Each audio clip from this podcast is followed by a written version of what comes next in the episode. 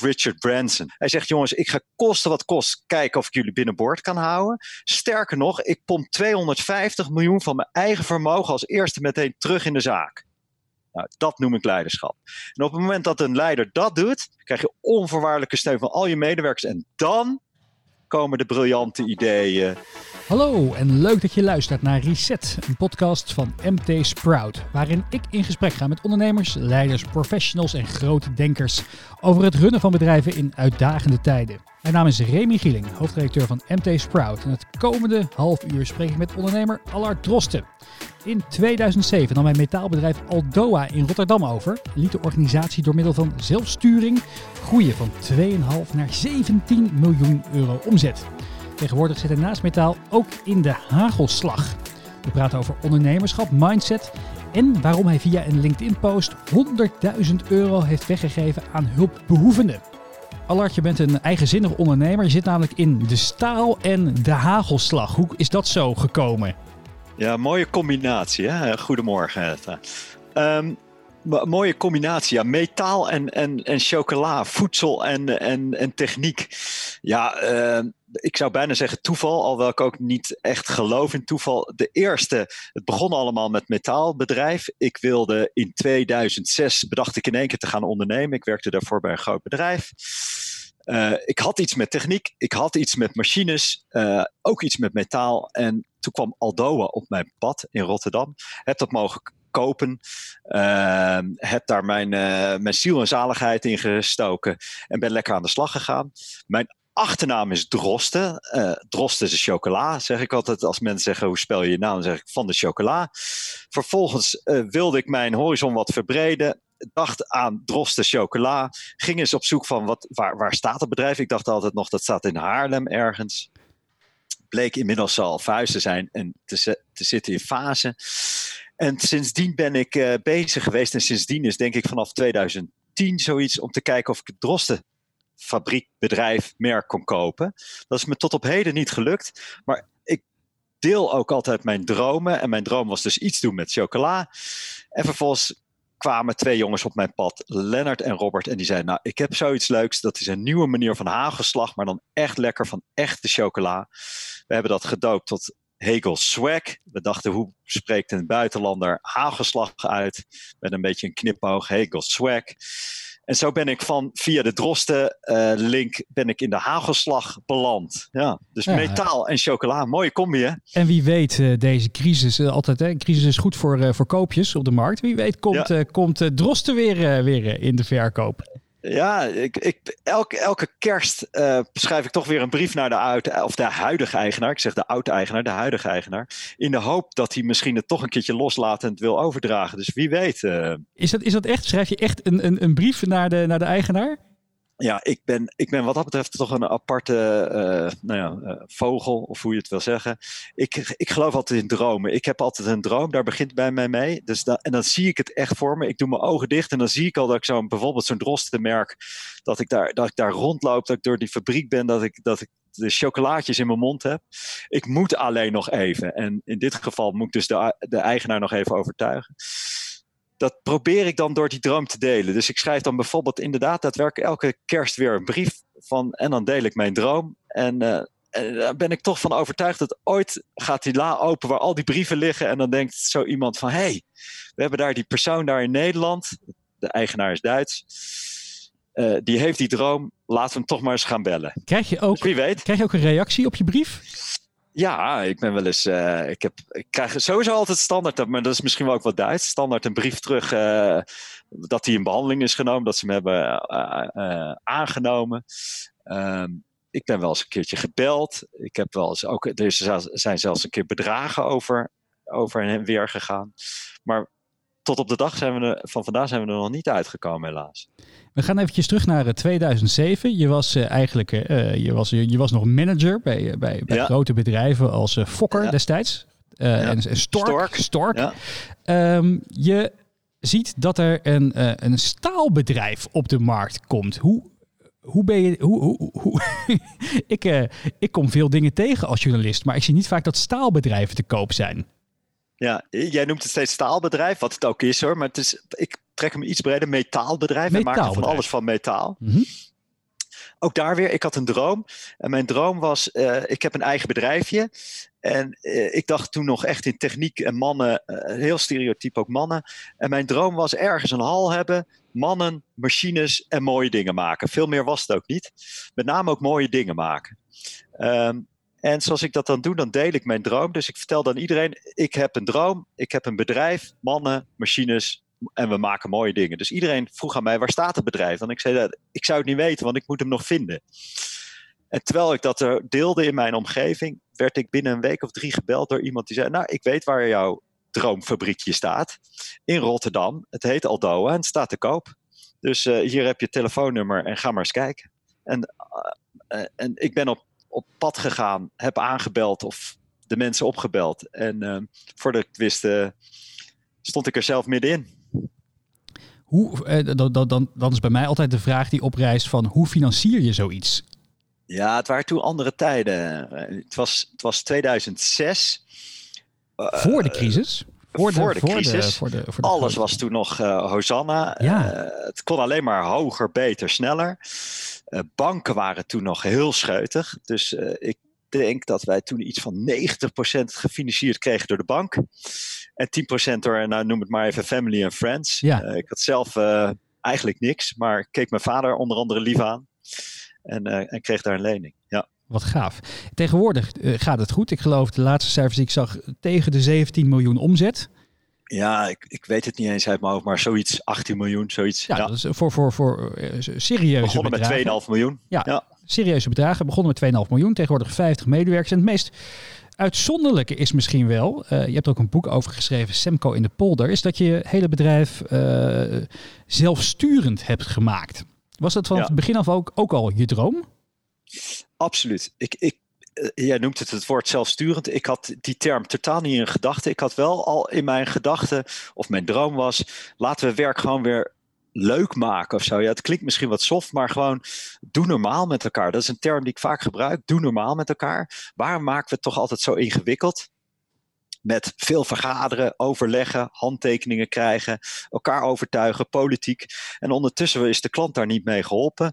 Heb je minder werkplezier, ben je veel bezig met, met, met afgeleide zaken. Dus ik dacht dat moet anders. En ik ben me gewoon maar begonnen, want ik wist ook niet precies hoe en wat. Maar ik begon wel gewoon met vertrouwen in eigen verantwoordelijkheid. En zei tegen mijn bemanning, en toen ik begon hadden we 13 man. Ik zei, jongens, kom op, doe alsof het je eigen bedrijf is. Hier heb je ook allemaal een sleutel van het eigen bedrijf of van jouw bedrijf. Doe alsof het jouw ding is. Uh, naar eer en geweten.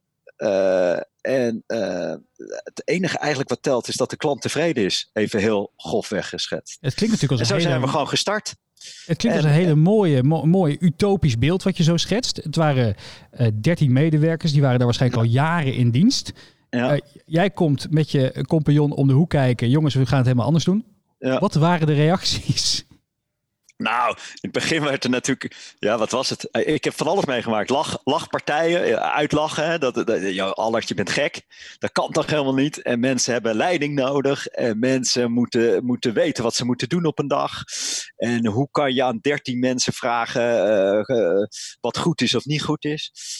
Dat was de ene kant. De andere kant was ook een stuk ongeloof. Van, van, van ja, maar mag dat dan? Hè? Weet je wel zo? Want ze, wat je zegt, er waren mensen bij die hadden al 32 jaar in het oude regime gewerkt. Die wisten niet beter dan dat ze niet mee mochten denken. Ze moesten gewoon doen.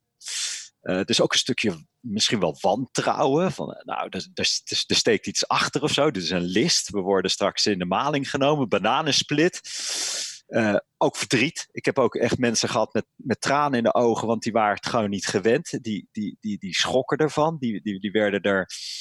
Uh, nou ja die, die, ja, die trokken het niet misschien wel. Onzekerheid kan ik me voorstellen. Onzekerheid misschien ook wel, hè? want het was in één keer van. Van alle kaders die er toch waren, goed of slecht, was het in één keer van jongens, kom op, uh, bedenk het lekker zelf. Even heel gekscherend gezegd. Ja, dat is. Dus ik heb alle reacties meegemaakt. Ja. Maar end of the day, en dat, daar ben ik echt mega trots op, is dat al die 13 medewerkers, linksom of rechtsom, allemaal om zijn gegaan, mee zijn gegaan, of hoe je het ook noemt. En tot op de dag van vandaag ook nog aan boord zijn. Uitzondering daar gelaten, omdat iemand helaas met pensioen en overleden is. Of iemand een, had een andere carrière switch, zeg maar. Maar ze hebben allemaal die over, oversteek kunnen maken, hoe noem dat? De, de, de transitie kunnen maken.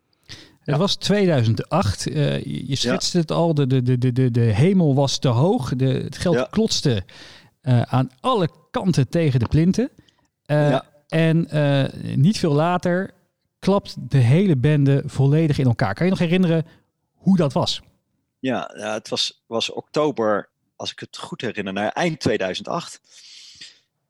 En toen hadden we de crisis. In één keer anders dan nu natuurlijk, maar het was er ook in één keer, soort van. Het gekke was, wij leveren veel aan de bouw. De bouw elde wel wat na. Maar wat ik me toen herinner, is dat wij uh, alle mensen toen, en ik weet niet meer, man of dertig of zo tegen die tijd, 20, 30 mensen, hebben bij elkaar geroepen en hebben gezegd, jongens, we weten ook niet wat er gaat komen in het, in, in, vanaf nu. We weten dat, het, dat er een, komt een crisis aan, linksom of rechtsom, of hij is er al. En toen hebben wij één ding met elkaar afgesproken. En ik, dat herinner ik me nog echt ontzettend goed. We hebben tegen elkaar gezegd: jongens, we mogen gaan nog één keer het woord crisis gebruiken met elkaar. We gaan nog één keer met elkaar even vloeken, schelden, tieren, alles, onze angsten delen. Die begraven we vervolgens. En vanaf dat moment gaan we het niet meer hebben over crisis. Want ik geloof altijd heel erg in een self-fulfilling prophecy. Als je het maar vaak genoeg herhaalt of ernaar gaat leven, dan gaat het ook uitkomen. En wij hebben toen met elkaar gezegd: jongens, hoe spannend het ook wordt, we kunnen niet kijken in een glazen bol, maar we gaan één ding doen en dat is de volle beuker tegenaan. We gaan lef tonen, we gaan ballen tonen, hoe spannend ook, hoe eng ook, maar we gaan ervoor knokken en kijken, bewijzen dat we het wel kunnen. Wat, wat er wel allemaal kan. Dus wij zijn volledig tegen de stroom in hebben extra mensen aangenomen. Die waren in één keer vrij beschikbaar van concurrenten of conculega's. We zijn ons softwarepakket gaan vernieuwen. We zijn extra advertenties gaan plaatsen. We zijn, hebben een extra salesman aangenomen. We, we zijn juist wel naar de beurs gegaan. We zijn klanten aan bezoeken. Nou, alles tegen de stroom in. Uh, allemaal met de gedachte van het is nu of nooit. De beuken tegenaan. En de grap is, misschien een stapje terug. Twee dingen zijn er in mijn optiek voor nodig. Ehm, zonder dat ik nu de, de leraar wil uithangen of de professor wil uithangen. Dat is één is lef. Gewoon, en, en gek genoeg, als je het uitlegt aan mensen, zeggen ze, ja, eigenlijk klinkt het wel logisch. In tijden dat het minder gaat, moet je juist meer doen. De praktijk is wat ik vaak zie, en dat zie ik nu ook in de huidige tijd, is dat als het, als het minder gaat, gaat men ook minder doen. Men gaat even niet naar de beurs. Men gaat even niet meer sales doen. Men gaat even niet meer die advertentie plaatsen. Men gaat even niet meer de mensen scholen. En dan krijg je in mijn optiek die self-fulfilling prophecy. Dan wordt het dus ook allemaal minder. Nou, wij gingen dus meer doen. En dat, dat, dat heeft lef. Daar heb je lef nodig. En lef is, dat klinkt misschien als een heel stoer woord. Maar het is een beetje gewoon eigenlijk volg je gevoel. Uh, gewoon doen, durven. Dus dat is één wat we hebben gedaan. En twee, wat bij ons hielp, is wij waren nooit echt financieel gedreven. Dus wij dachten bij alles langer termijn en dus ook met geld. Natuurlijk, je moet het geld hebben, je moet het, je moet, uh, uh, uh, maar hoe moet ik het goed zeggen? Winst interesseerde ons gek genoeg niet veel. Dat stond op plek 6, 7, 8. Um, dus wij, alles wat wij deden was meer georiënteerd op langer termijn, de beuker tegenaan, Zorg dat we onze klant aan boord hielden. Goede mensen om ons heen verzamelen. En zo waar geschieden. De praktijk was dat wij 15% groeiden per jaar. Daar ben ik nog steeds ontzettend trots op. In een, ja, de bouw die halveerde gewoon. En wij groeiden met 50%. Ik moet ook eerlijk zeggen, we hebben twee jaar geen winst gemaakt. Uh, dat was de keerzijde. Uh, en, en uh, hoe, hoe werkt dat ja. in de praktijk? Want het, het, ik kan me dat moeilijk voorstellen hoe dat dan werkt. Je maakt geen winst, maar je groeit wel. Dus dat is ja. omdat je aan het investeren was? Nou, ja, wij investeerden dus bij ons softwarepakket. Wij gingen over van 2D naar 3D tekenen, om maar iets praktisch te noemen. Wij namen een extra salesman aan. Wij gingen juist extra advertenties plaatsen. Kost allemaal geld. Mm -hmm. uh, en dat financierde je uit de lopende middelen? Uit de lopende middelen. En, en, en ik weet ook niet hoe ik het heb gedaan, want dat is misschien wel het stukje gewoon doen. Uh, ik, ik heb daar niet uitgebreid aan zitten rekenen of calculeren. Ik had gewoon een heilig geloof uh, gaan met die banaan. Ja, ik weet niet hoe ik het anders moet omschrijven. Uh, en dan komt het vanzelf wel goed. Dat is misschien wel heel opportunistisch en naïef. Uh, maar je kan alles proberen recht te rekenen. volgens mij, als iets in zo'n tijd, zo'n onzekere tijd, kan je je kapot rekenen tot in je ons. Je weet toch nooit precies wat er komt. Dus ik probeerde elk geld wat weer binnenkwam weer te herinvesteren in nog een advertentie, in nog weer een goede man, in nou, het uitkeren van de salarissen, et cetera, et cetera. Hoe doe je dat, hoe doe je dat nu? Want de, er is wederom veel onzekerheid in de markt. Merken jullie er in de praktijk al iets van? Ja, ja, bijvoorbeeld dan weer even het bruggetje naar de chocola. Hegelsweg. Wij, wij leveren grofweg uh, leven uh, van de ene helft is food service, zoals wij dat noemen. Horeca, hotels, lunchrooms. Ja, dat is gewoon nul. Dat is overnight was dat gewoon nul. Uh, dus nul omzet, geen klantbezoeken meer, et cetera, et cetera. Um, en dat is best heftig voor een startend bedrijf zoals wij zijn wat nog geen winst maakt. Dus, dus we hebben geen grote oorlogskas. Ja, dat is ook, daar hebben we eigenlijk weer hetzelfde gedaan, jongens. We kunnen nu twee dingen doen. We kunnen gaan bij de pakken neer gaan zitten, alles terugschroeven. Uh, maar we kunnen het ook als een kans zien. We kunnen kijken wat we wel kunnen doen. En de gek genoeg, we, wij doen nu enorm veel online. We zijn online zijn we iets van 2000 procent gegroeid. Uh, betekent er wel even schouders eronder. We zijn een advertentiecampagne begonnen. Uh, hoe doe je dat? Kijk, dat, dat, dat, daar zijn natuurlijk veel mensen naar op zoek. 2000 procent groeien. Ja. Wij zijn online veel gegroeid, maar dit is wel echt uitzonderlijk. Wat heb je daarvoor moeten doen? Nou ja, ik moet ook wel heel eerlijk zijn. Ik bedoel, als je, als je nog relatief weinig omzet hebt, hè, en dat zijn wel start-up, dan is, dan is. Is de percentages 2000... zijn dan snel gehaald? Percentage-wise is, het heel, is, het, is het enorm veel. Je knalt zo nou, die fast is, 50 in op deze manier. Nou, dat is wij, daar moet ik ook eerlijk zeggen. Wij waren een beetje, wij richten bijvoorbeeld op die food service, op die horeca. Wij moesten in één keer omschakelen naar online. En natuurlijk, dat omschakelen is even even oeh, wat gebeurt er nu? Dat is even uh, balen, dat is even uithuilen. Dat is... Maar wij zijn echt heel snel gewoon de koppen bij elkaar. Van jongens, wat kunnen we wel? En dan zie je in één keer dat er enorm veel energie vrijkomt met, met, als je gaat praten over wat er wel kan. In plaats van dat je gaat praten wat je allemaal moet gaan zitten afbouwen. Wat kunnen we wel doen? En voor dit wist hadden we in één keer social, social campaign, of hoe je het noemt. Hè? Dus uh, op, op, op uh, de sociale media, op allerlei platforms. Er kwamen initiatieven van paasboxes. Er kwamen initiatieven cadeautjes geven aan elkaar. Advertentiecampagne. Uh, nieuwe verpakkingen. In, in één keer komen er allerlei initiatieven. En dat geeft gewoon energie. En ehm, ja, eh, ik, ik, ik heb niet de wijsheid in pacht, maar je ziet in ieder geval dat er dingen gebeuren. Hoe, kijk, volgens mij ben jij echt een ras optimist, uh, Allard. Je, Absoluut. Je, je, je, je, voor mij kan je van, van, van, van, elke, van elk negatief scenario de positieve kanten inzien. Veel medewerkers hebben dat misschien minder van nature. Uh, daarom zijn, is ook niet iedereen ondernemer. Hoe krijg je die mensen toch mee in een positieve vibe en mindset? Want ik denk dat veel mensen toch ook wel uh, en misschien niet die luisteren, maar wel mensen om zich heen onzeker zijn en daarom dichtklappen. Dus je, hoe zorg je ervoor dat je mensen uh, ook meekrijgt in, in, in de kansen die zo'n crisis biedt? Ja, maar ik denk dat is, dat is denk ik, zeker in deze tijd, dat is nou echt dat is leiderschap. En dan ga ik echt niet beweren dat ik de grootste leider ben.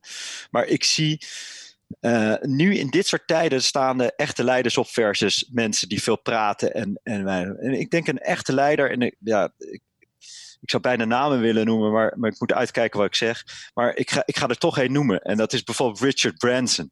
Ik denk dat we hem allemaal wel een beetje kennen van ofwel, ofwel zijn luchtvaartmaatschappij of zijn cruiseschepen of zijn hotels. Eilandje. Beste, en zijn eiland, hè? Uh, daar wil ik nog altijd nog wel eens een keer naartoe. Maar wie weet ooit. Uh, Dromen. Uh, nee, wat, wat, wat, voor mij is dat nou een echte leider, uh, zover ik het aanschouw. Wat, wat deze beste man doet, heeft, heeft veel mogen verdienen. Heeft natuurlijk ook, ook daar het risico voor gelopen. Mooie onderneming. Deze man is hard geraakt, want zit veel in toerisme met zijn luchtvaartmaatschappij, zijn hotels, et cetera. De crisis breekt uit met corona. En het eerste wat hij doet is hij schrijft een soort van open brief naar al zijn medewerkers wereldwijd. Jongens, ik ga jullie niet in de steek laten. We gaan me, ik weet ook niet wat er gebeurt. Ik vind het allemaal spannend. Maar ik, ik, ik, ga me, ik, ik bal mijn vuist. Ja, dat kunnen jullie niet zien. Uh, um, zonder het beeld. Maar ik bal daarbij mijn vuist in de zin van hij, laat, hij, hij, hij steekt een hart onder de riem bij zijn medewerkers. Hij laat ze ook niet vallen. Hij begint niet meteen te dreigen met ontslagrondes. Uh, intrekken van, van, van geld, et cetera, et cetera. Sterker nog, hij zegt: jongens, ik ga kosten wat kost kijken of ik jullie binnenboord kan houden. Sterker nog, ik pomp 250 miljoen van mijn eigen vermogen als eerste meteen terug in de zaak. Nou, dat noem ik leiderschap. En op het moment dat een leider dat doet, krijg je een soort van onvoorwaardelijke. Daar ben ik zo van overtuigd. Dan ben ik dan weer die rasoptimist. Krijg je onvoorwaardelijke steun van al je medewerkers. En dan komen de briljante ideeën. De, het meedenken van de mensen. Uh, dan gaan ze meedenken in termen van salaris misschien wel inleveren, et cetera, et cetera. Het staat echt haaks op het voorbeeld, want ik vind het onbegrijpelijk hier in Nederland. John de Mol, een van de ah. allerrijkste mannen die, eh, die uh, dit land uh, telt. Gevierd ondernemer, heeft hele knappige dingen gedaan. Ik heb er ook wat dat betreft veel respect voor. Waar ik minder respect voor heb, is dat hij binnen volgens mij twee weken na het uitbreken van de crisis een open brief schrijft naar al zijn medewerkers. Met dat hij van voornemens is om draconische maatregelen te nemen. Nou ja, iedereen kan wel raden wat dat betekent. Volgens mij moet iedereen uh, min of meer vrezen voor zijn baan. Dat is, hoe kijk jij daarnaar? Want ik vind dat werkelijk waar vanuit leiderschapsoogpunt onbegrijpelijk. Als je enerzijds zo vermogend bent en de anderheid tegelijkertijd zoveel onzekerheid uh, uh, verspreidt onder, onder, onder de mensen die keihard hun best voor je doen. Ik, ik word er echt, ik word er een soort baldadig van, ik word er boos van. Ik, ik, ondernemers, uh, ik gun ze alles. Hè. Ik ben er zelf, mag er ook een zijn, al ik het een zwaar woord vind. Ik wil in goede tijden nemen ze ook alle risico's. Je kan er veel geld aan verdienen als je het goed doet, et cetera perfect, prima. Maar je hoort er dan ook te staan in slechtere tijden of in mindere tijden. En dat vind ik ook een part of the deal. En uh, dan hoort er dus ook bij dat je, alle Richard Branson het voorbeeld, dat je meteen zegt van jongens, ik weet het ook allemaal niet, maar we gaan het samen op de ene manier proberen te rooien. En op het moment dat je dat signaal aange, afgeeft, durf ik te beweren, dan, dan worden jouw mensen, hè, terug naar jouw vraag, worden committed. Ga meedenken. Dan hoef je bij wijze spreken niet eens te vragen of je salaris willen inleveren. Dan komen ze vanzelf wel mee. Ben ik heilig van overtuigd. Dan komen ze zelf met oplossingen over hoe ze hun vakantiedagen eerder kunnen opnemen, waardoor je whatever. Uh, en, en ja, zo zijn er talloze voorbeelden. Jij noemt John de Mol, maar ik kan er nog zo uh, noemen. Die allemaal voorwaardelijk. Hè? Pas als de schuldeisers hun schulden intrekken, gaan ze wat bewegen. Pas als, uh, nou, ja, ik vind het, ik vind het bizar. Ik vind het echt, uh, ja, nou, ik, ja. ik kan er uren over praten als het moet. Ik word er ook echt oprecht boos van. Weet je, we moeten het toch samen doen. Ja, Allard, als je het hebben over put your money where your, mouth is, ben jij wel een, een, een echt voorbeeld. Je hebt toen de crisis begon een filmpje op LinkedIn gezet waarbij je honderd keer 1000 euro van je eigen geld weg hebt gegeven aan mensen die het nodig hebben. Hoe kwam je zo op dat idee? Uh, nou ja, het begon met een, een, uh, een vriendin die werd, de, het was week 1 van de coronacrisis, die werd met een pennenstreek letterlijk één zin door daar bazin, opdrachtgever, werkgever, werd ze ontslagen. Na zoveel jaren trouwdienst. Met ook nog de opmerking daarachter van ja, maar ik moet zelf nog op wintersport kunnen. Nou, ik werd er zo boos om dat ik die vriendinnen heb geholpen uh, met wat financiële steun. Maar vervolgens zat ik te denken van ja, maar wat is dit voor, voor een bizarre, armoedige uh, tijd dat mensen zo met elkaar omgaan.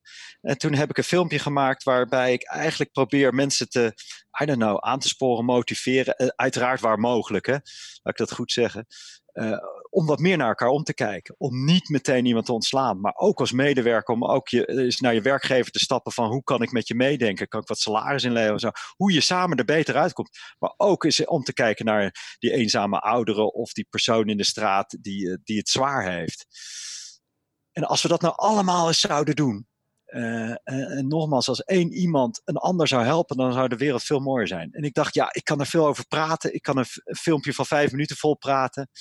Maar eigenlijk actie is nog mooier. Dus daar heb ik, en ik, en ik besef terdege, ik sta aan de goede kant hè, qua, qua, qua mijn centjes. Uh, heb ik gezegd dat ik eh, honderd uh, keer duizend euro weggeef. Uh, en, uh, en, aan mensen die het harder nodig hebben dan ik. en, en, Wat voor reacties kwamen daarop? Oh, zo, man, zo waanzinnig. De ene helft, en daar ben ik zo, ja, zo dankbaar, zo trots op mensen die zeiden wel, Allard, uh, je hebt me weer even aan het denken gezet. En daar ging het mij om. Ik heb weer eens even mijn oud collega gebeld. Ik heb, uh, ben eens uh, even langs mijn moeder gereden. Ik heb eens de buurman gevraagd of hij het ook, of het, hoe het met hem gaat en of ik hem kan helpen.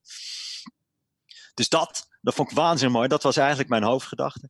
De tweede helft waren mensen die zeiden: Ja, maar ik ken iemand en die kan echt die duizend euro goed gebruiken. Want, nou, dan kwam een heel legitiem verhaal. Die, die, dat, deel, dat, tweede deel, die mensen heb ik duizend euro gegeven. Gewoon carte blanche. Ik, ken ze niet. Ik, weet, ik heb de verhalen ook niet gecheckt. Dan ga ik weer uit van vertrouwen.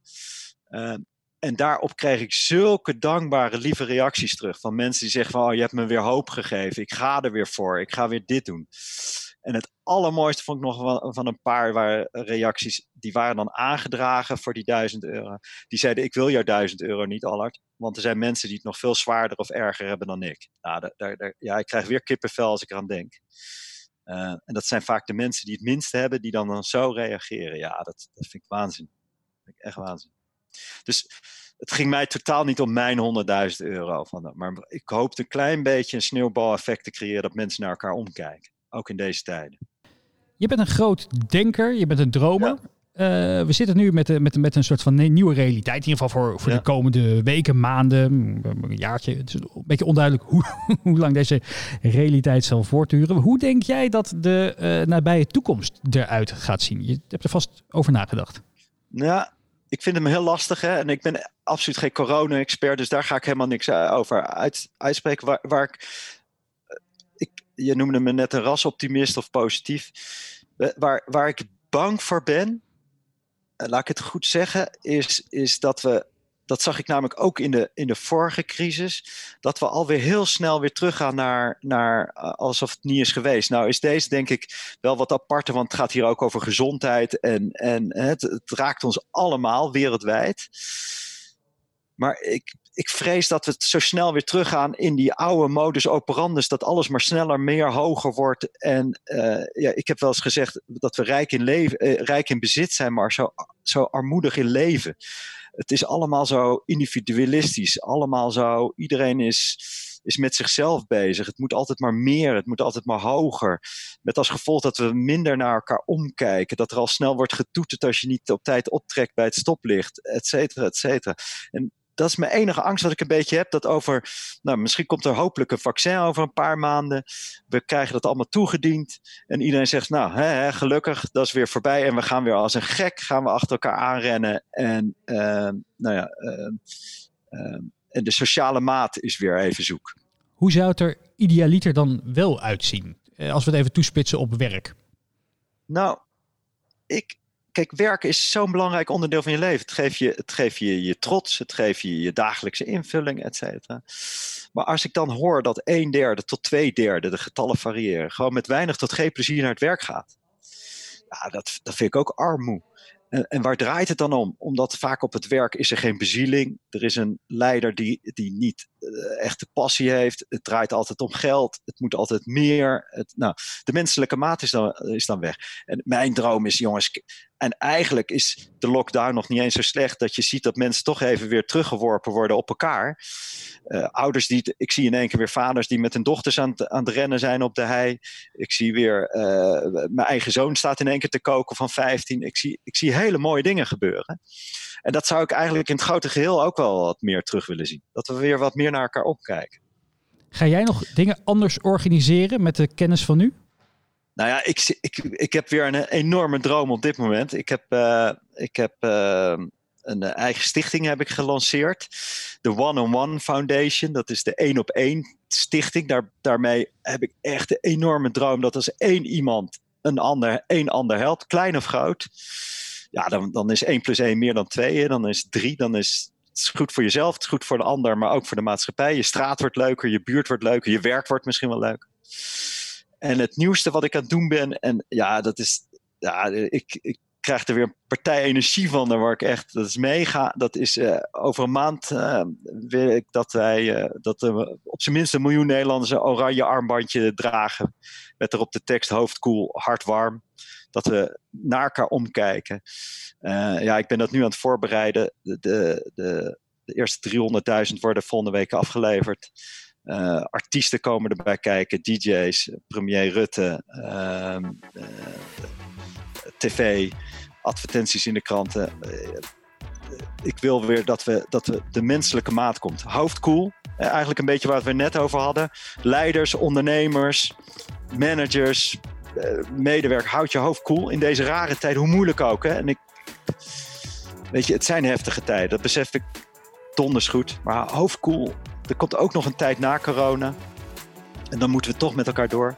En hard warm. Blijf naar elkaar omkijken. Uh, door dik en dun. En, en, dat hoop ik uit te stralen. En dat we ja, met elkaar samen sterk staan of zo. Dankjewel voor het luisteren naar Reset, een podcast van MT Sprout. Wil je meer inzichten van ondernemers, leiders, professionals en grote denkers? Schrijf je dan in voor onze gratis nieuwsbrief op mt.nl/slash nieuwsbrief. Of als je meer wilt weten over startups en scale-ups, dan ga je naar sprout.nl/slash nieuwsbrief. Heel graag tot de volgende aflevering.